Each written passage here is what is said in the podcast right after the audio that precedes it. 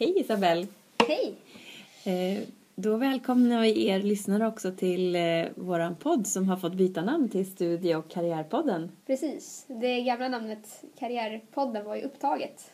Så Ja, och vi upptäckte inte det förrän vi skulle lägga upp den här. Så att, eh, men nu, Studie och karriärpodden känns ändå som ett bra namn för att det talar ganska mycket om vad det här faktiskt egentligen handlar om. ja, precis. Det handlar ju faktiskt inte bara om karriär utan väldigt mycket om studiegången också. Absolut. Ta sig igenom. Ta sig igenom utbildningen. Och vi börjar eh, närma oss den eh, 15 april här med stormsteg. Mm, en vecka kvar nu i, när vi spelar in. Sista dagen att söka kurser. Precis, och det är mycket information som behöver komma ut till studenter och vi får mycket frågor. eh, Så att vi tänkte väl att det här avsnittet kan vi ta tillfället i akt och komma med lite tips och tricks inför 15 april och vad man ska tänka på. Eller vad tänker du? Jo, absolut. Eh, ja, varför man egentligen ska söka sina kurser också Ja, är ju en relevant fråga. precis. Inte bara söka utan också ha en tanke bakom. Mm. Mm.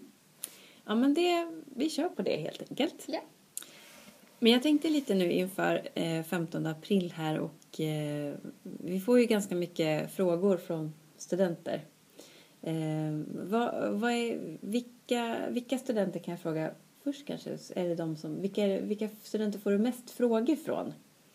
När det Ja. gäller 15 april nu. Är det nya studenter eller är det liksom studenter som redan går på programmen eller vad? Eh, det är både och skulle jag säga. Det är mycket presumtiva studenter som hör av sig. Mm. tycker jag. Och de ringer och mejlar och framförallt så vill de nog få förklaring där skillnaden mellan läsa kandidat master och ett civilingenjörsprogram. Ja, just det. Mycket sådana frågor får man. Mm. Eh, där man helt enkelt, och framförallt liksom, vad, vad blir jag när jag är klar? Ja, Mycket sådana det. frågor om jag skulle läsa det här programmet. Mm.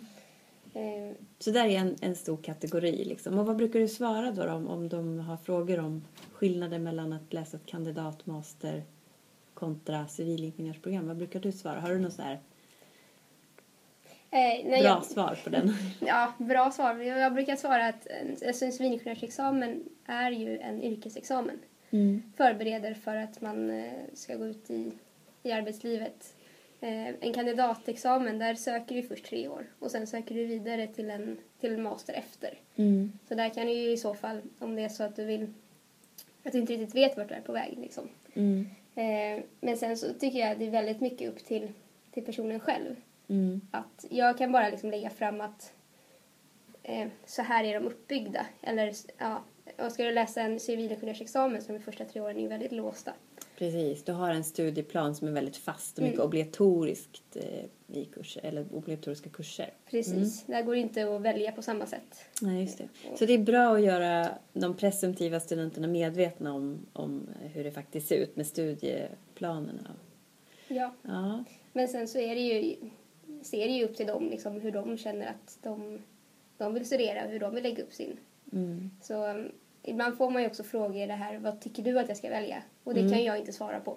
nej, För jag vet ju inte, jag kan ju inte välja åt dem. Utan Nej. det är upp till dem. Mm, precis. Men okej, så det är en kategori. Men de studenterna som redan går på ett program, vad har de för, för frågor till dig? Mm.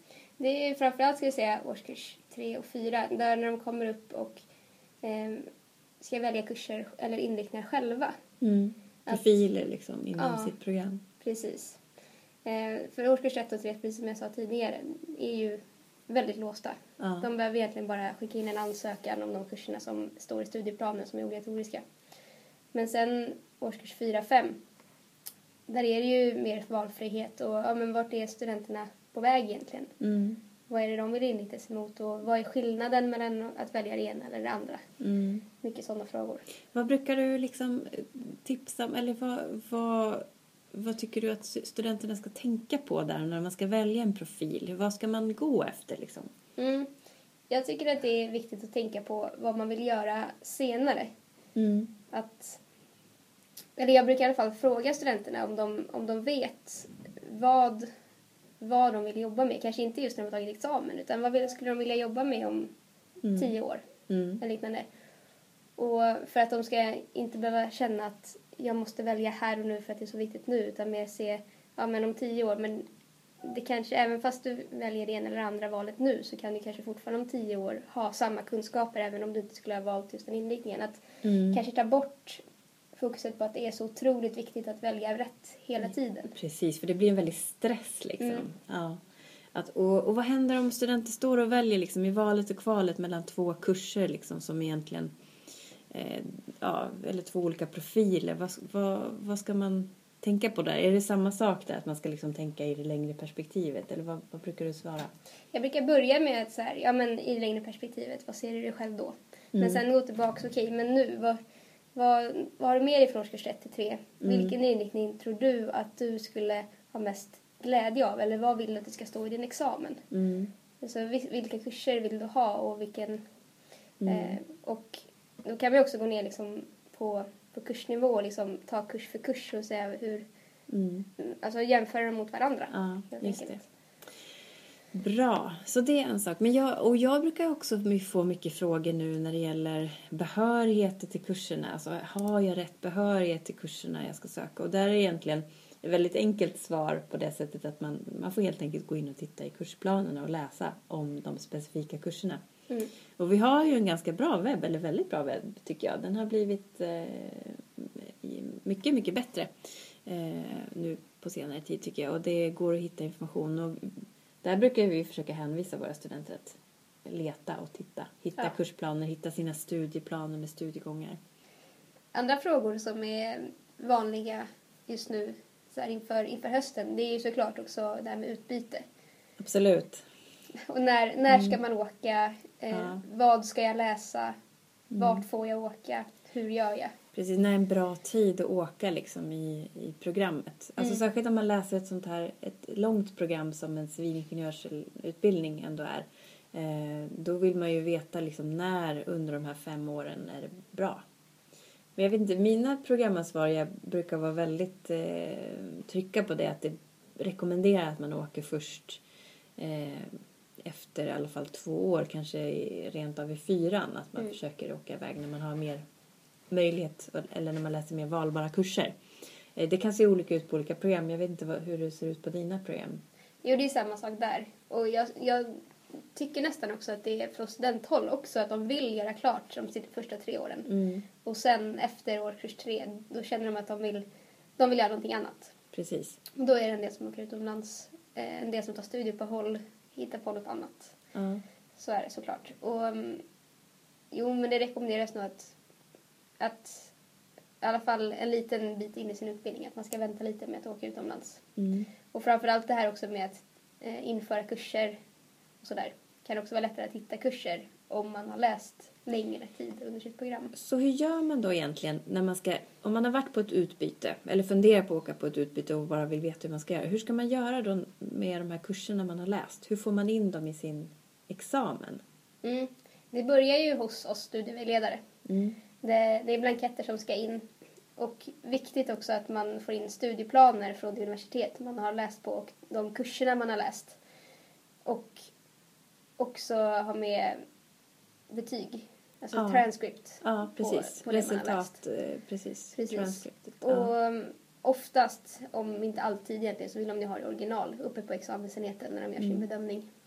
Så hur är gången då? Då skickar studenten in en ansökan om att införa kurserna, en blankett som man fyller i och Ja. man bifogar då transcript, alltså resultat, alltså Betyg. betygen och kursplanerna eller motsvarande Mm. eh, på kurserna man har läst för att man ska kunna göra den här bedömningen av nivå och eh, ämne och liksom, eh, credits och så, eller poängen. Vad händer sen då?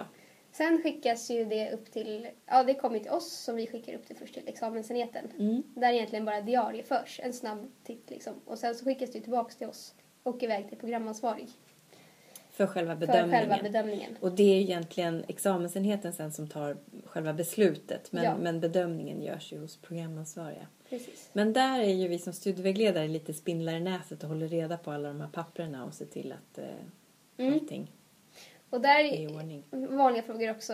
Man får mejl nu att jag skickade in för ungefär tre veckor sedan, när får jag svar? Och det är väldigt svårt för oss att svara på för vi, det kan ju, det finns många ställen egentligen som de kan hamna på. Och ibland kan det också vara svårt att göra en bedömning av kurser från andra länder och andra universitet. Precis, ofta behöver det också gå via studierektorer för att bedöma, bedöma liksom, och överlapp och andra saker. Så det, kan ju, det kan ju verkligen dra ut på tiden. Mm. Men det är ju ändå så att de flesta studenter brukar ju få sina kurser införda eller tillgodoräknade. Alltså det är ju eh, väldigt sällan som det absolut är blankt nej. Då ska man ju ha läst något väldigt eh, annorlunda. Liksom. De flesta av våra studenter ser ju till att läsa kurser som de faktiskt kan ha nytta av, tycker jag. Mm. Ja, absolut. Ehm, och det tycker jag är väldigt positivt. Så att därför är det också ganska lätt för oss att, att prata om utbyte som någonting, alltså verkligen rekommendera det. För att det är ju ändå, tanken är att man ska kunna tillgodoräkna kurserna efteråt. Ja, men det var lite om utbyte och hur man ska tänka där. Vad får vi mer för frågor då i de här, den här perioden? Ja, det är också det här med de studenterna som känner att de kanske inte vill gå vidare eller helt enkelt inte riktigt har behörigheten som krävs för de kurserna som de vill läsa. Ja. Där att de kanske behöver, känner att de behöver läsa om kurser. Ja. Och de har några vissa kurser som släpar och det här med omregistrering. Mm. Vad är egentligen en omregistrering då, om vi tar det från början? En omregistrering är om du varit registrerad på en kurs tidigare och har den oavslutad och känner att du vill eh, läsa om kursen eller vill ha tillgång till materialet för att klara av den. Eller om du till exempel har labbar kvar så behöver du helt enkelt få en registrering igen. Att du helt enkelt läser kursen en gång till. Att du inte bara går och gör en omtenta. Mm. För om man bara ska göra en omtenta och känner att man, man klarar det utan eh, hjälp, då kan man ju gå, bara anmäla sig till omtentan. Just det, man måste ju fortfarande anmäla sig till tentorna. Ja, det är ju viktigt. väldigt men, viktigt. Men omregistrering, det, det är alltså lite frivilligt där egentligen. Om man har en Mm. släpande kurs så kan man eh, välja om man vill omregistrera sig inte eller inte. Eh, men om man har labbar till exempel, då måste man vara omregistrerad. Mm. Kan vi säga så? I princip. Ja, i princip. Mm. Det finns alltid undantag. Det finns alltid undantag. Ja, men vad händer då med omregistrering? Alltså där får vi ju mycket frågor om vad händer med CSN. Vad brukar du svara eh, när studenter frågar om omregistreringar och jämfört med registreringar? Mm. Man får fortfarande poäng och pengar från CSN om man har en omregistrering. Det man ska tänka på är att CSN räknar bara på de poängen som är oavklarade. Så om en kurs är på 5 HP och du har klarat labbar på 2 HP, då räknas kursen som en 3 HP-kurs. Mm. Vilket innebär att du måste i så fall få in en extra kurs eller få in poäng på något sätt ändå så att du Mm. fyller upp de där. Just det, så att du verkligen visar att du pluggar på heltid om det är det du har anmält till CSN. Precis. Det där är jätteviktigt. Eh, och därför CSN gör ju också sådana här kontroller ibland. Mm. Eh, och det är ju sån otur. För det som händer om man nu saknar registrering det är ju att man blir återbetalningsskyldig. Och det är supertråkigt. Det vill vi verkligen att... Så därför är det viktigt att se till också att man tittar i studentportalen att man verkligen är registrerad på kurser eh, under den pågående terminen. Så att man inte Mm. Precis. missar det. Men sen är det också så att man behöver inte vara registrerad på full tid hela tiden under en termin. Mm. Det viktiga är att man under en termin får ihop 30 HP och att du inte under någon av veckorna inte har en registrering. Nej. Du måste ha en kontinuerlig registrering under en termin. Men, Ja. men du kan ha 20 HP i period 1 och 10 HP i period 2. Ja, precis. Det finns lite sådana. Ja. Ja, precis. Ja. ja, men det där är klurigt men det är skönt att, att reda ut lite också hur det, hur det ligger till. Vi börjar närma oss slutet på det här andra avsnittet på våran Studio Karriärpodd, Isabelle. Eh, vad är det vi behöver påminna om nu då inför 15 april? Mm. Sök era kurser Mm. Var, var ska man söka? Via antagning.se och logga in som programstudent. Precis, logga in som pro- programstudent är väldigt viktigt. Yes. Och se till att du söker kurserna inom ditt program. Mm. Eh, sök gärna kurserna via anmälningskoden. Anmälningskoden, ja. Var hittar man anmälningskoder då? Det finns på hemsidan. På, där man hittar studieplanerna så finns det under studieplanerna finns det en länk där, där man hittar kurserna med sina anmälningskoder. Mm. Varför är just anmälningskoderna så bra och fiffiga? Därför att vissa kurser går, heter ju samma sak, har samma kursnamn, alltså det är samma kurs, men att de går flera gånger under en period. Så anmälningskoden skiljer ut att om, om kursen går i både period 1 och 2, men du ska läsa den i period 2, så skiljer den ut att du inte söker den som går i period 1. Ja. Det där är ett ganska vanligt problem annars om man, om man söker kurserna på antagning.se och bara använder kursens namn eller kurskod. Liksom. Att man råkar söka fel kurstillfälle. Bra, så det ska man komma ihåg. Sök på antagning.se före 15 april och man ska anmäl, eh, anmäl, använda anmälningskoder. Eh, och man ska också se till att man klickar i så man får ett eh, besked eller mm. ett, ett svarsmail eller en bekräftelsemail helt enkelt från antagning.se. Ja, att man precis. har gjort en ansökan. Det är ja. viktigt för annars har inte liksom ansökan eh, gått in riktigt. Vad är det mer studenterna ska tänka på? Eh, ja, men sen så är det ju dags för antagningsbesked. Ja, just 12 det. juli kommer det vara. Precis, det är planerat till 12 juli. Eh, och då måste man tacka ja. Just det. Eh, och enligt, eh, om man går in på antagning.se hemsida så står det att man måste senast tacka ja 29 juli. Så det är viktigt att även om man är på sommarlov eller sommarjobbar eller ligger på en strand liksom mm. att man verkligen svarar på sitt antagningsbesked. För annars, vad händer då? Annars så åker man ur. Man blir struken Man blir struken från kursen. Ja, och då är ju enda alternativet att man gör en sen anmälan. Ja. Eh, men då har man ju inte heller någon garanterad plats. Och kurser som är fulla de kommer ju inte ens öppna för sen anmälan. Precis. Så det är en risk. Ja. Eh, ska vi stanna här helt enkelt och mm, tacka för oss? Mm. Jag kan nämna också att man kan bli antagen till 45 HP per termin. Precis, man kan söka 45 HP och bli antagen till 45 HP per termin. Mm. Just det, det var en bra. Mm. Men eh, ja, tack för att ni lyssnar. Eh, ja. Tack Isabelle. Tack. Ja. Vi hörs igen. Hej då! Hej då!